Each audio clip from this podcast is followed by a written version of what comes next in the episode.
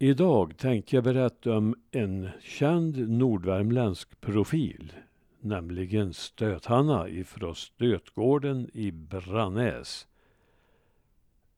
Nya Värmlandstidningen den 3 augusti 2013. Gamla fotografier kan ge upphov till många funderingar och resonemang. Ett par sådana bilder från Mattestorp i Brannäs 1929 gjorde mig lite förbryllad. På den ena bilden sitter ett glatt sällskap runt ett bord och på den andra är en av dessa personer avporträtterad i spishörnan som gubben i Mattestorp. En egendomlighet eftersom torpet då stått obebott i 13 år.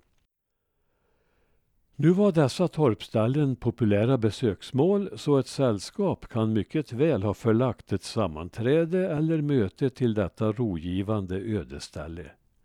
Men vem var gubben? Jag frågade några av mina vänner från Brannäs och fick det överraskande förslaget att gubben kunde vara identisk med Stöthanna.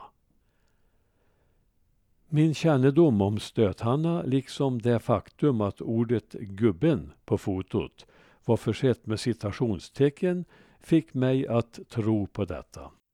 Andra må visa mig att jag har fel. Stöthanna var en färgstark personlighet som avvek från det traditionella mönstret för hur en kvinna skulle vara. Hon föddes 1882 i Stötgården i södra Brannäs där som skidhotellet nu ligger och fick namnet Hanna Kristina Olsson. Gårdens namn lär komma av att den grundades på 1600-talet av Marcus Håkansson och denne Marcus var kyrkväktare eller kyrkstöt som det kallades. Till kyrkstötens uppgifter hörde att med en stång stöta till dem som råkade somna i kyrkan under predikan. Det religiösa engagemanget tog sig i Hannas fall uttryck i att hon sökte sig till den nybildade Sysslebäckskåren av Frälsningsarmén.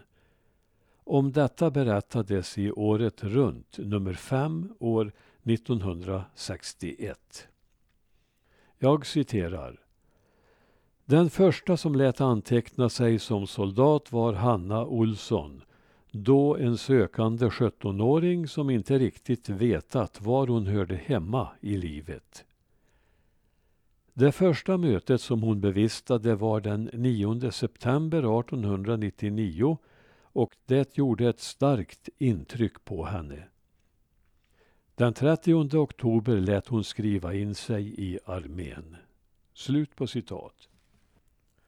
Hanna kom till Frälsningsarméns krigsskola 1905 efter att ha tjänstgjort som biträde åt stabskaptenen på Göteborgs barnkrubba och som officer hade hon sedan heltidstjänst runt landet i 17 år.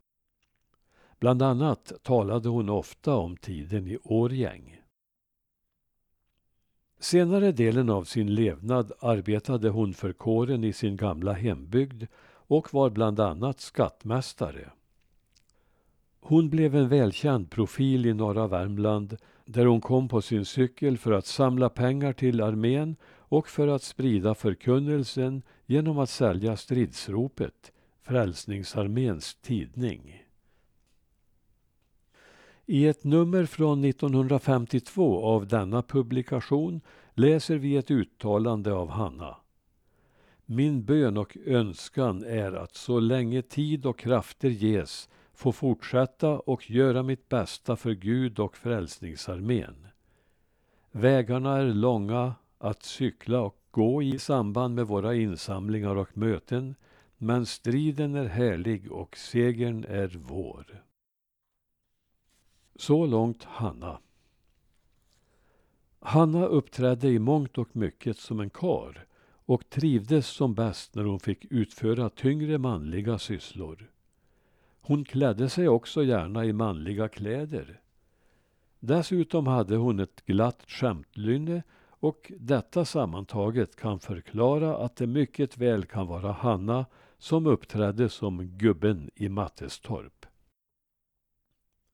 Detta skämtlynne kan ha varit orsaken till att det glada gäng som först skötte brandnäsanläggningen döpte en krog till Stöthannas krog. Då var Hanna redan död, men bygdens folk protesterade. Det fanns sannerligen ingen anledning att koppla hennes namn till dryckenskap. Krogen bytte namn. Hanna arbetade gärna sommartid i skogen med plantering och röjning. Hon var ibland med i ett planteringslag där min far var bas och hon var mycket samvetsgrann i sitt arbete. När det var dåligt med jord hämtade hon från annat ställe och fyllde på. Så gjorde ingen annan. När andra planterare knotade över lönen och nämnde ordet strejk satte sig Hanna emot. Hon var där för att arbeta. Hon gillade min far och tyckte om att retas med min mor som också var med i samma arbetslag. På matrasten skulle hon sitta vid min far och hon började mata honom med mat ur sin matlåda för att skoja med mor.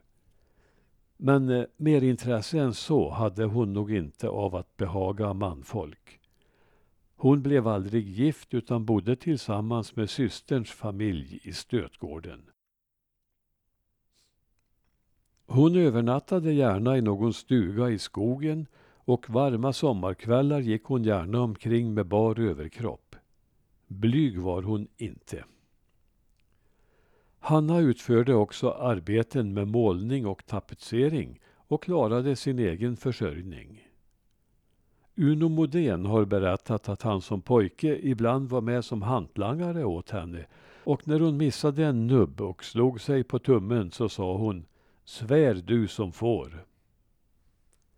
Ibland kom hon körande med häst och då var hon ofta klädd i karkläder och man kunde ha svårt att se om hon var man eller kvinna. Själv minns jag hennes gammelkloka ögon. Skribenten i Stridsropet avslutar sin presentation av Hanna med följande ord. Man kan inte annat än tacka Gud för en sådan optimism och sann salvationism och tillönska skattmästaren med det silvervita håret och de goda ögonen under den höga pannan allt gott från himmelens Gud.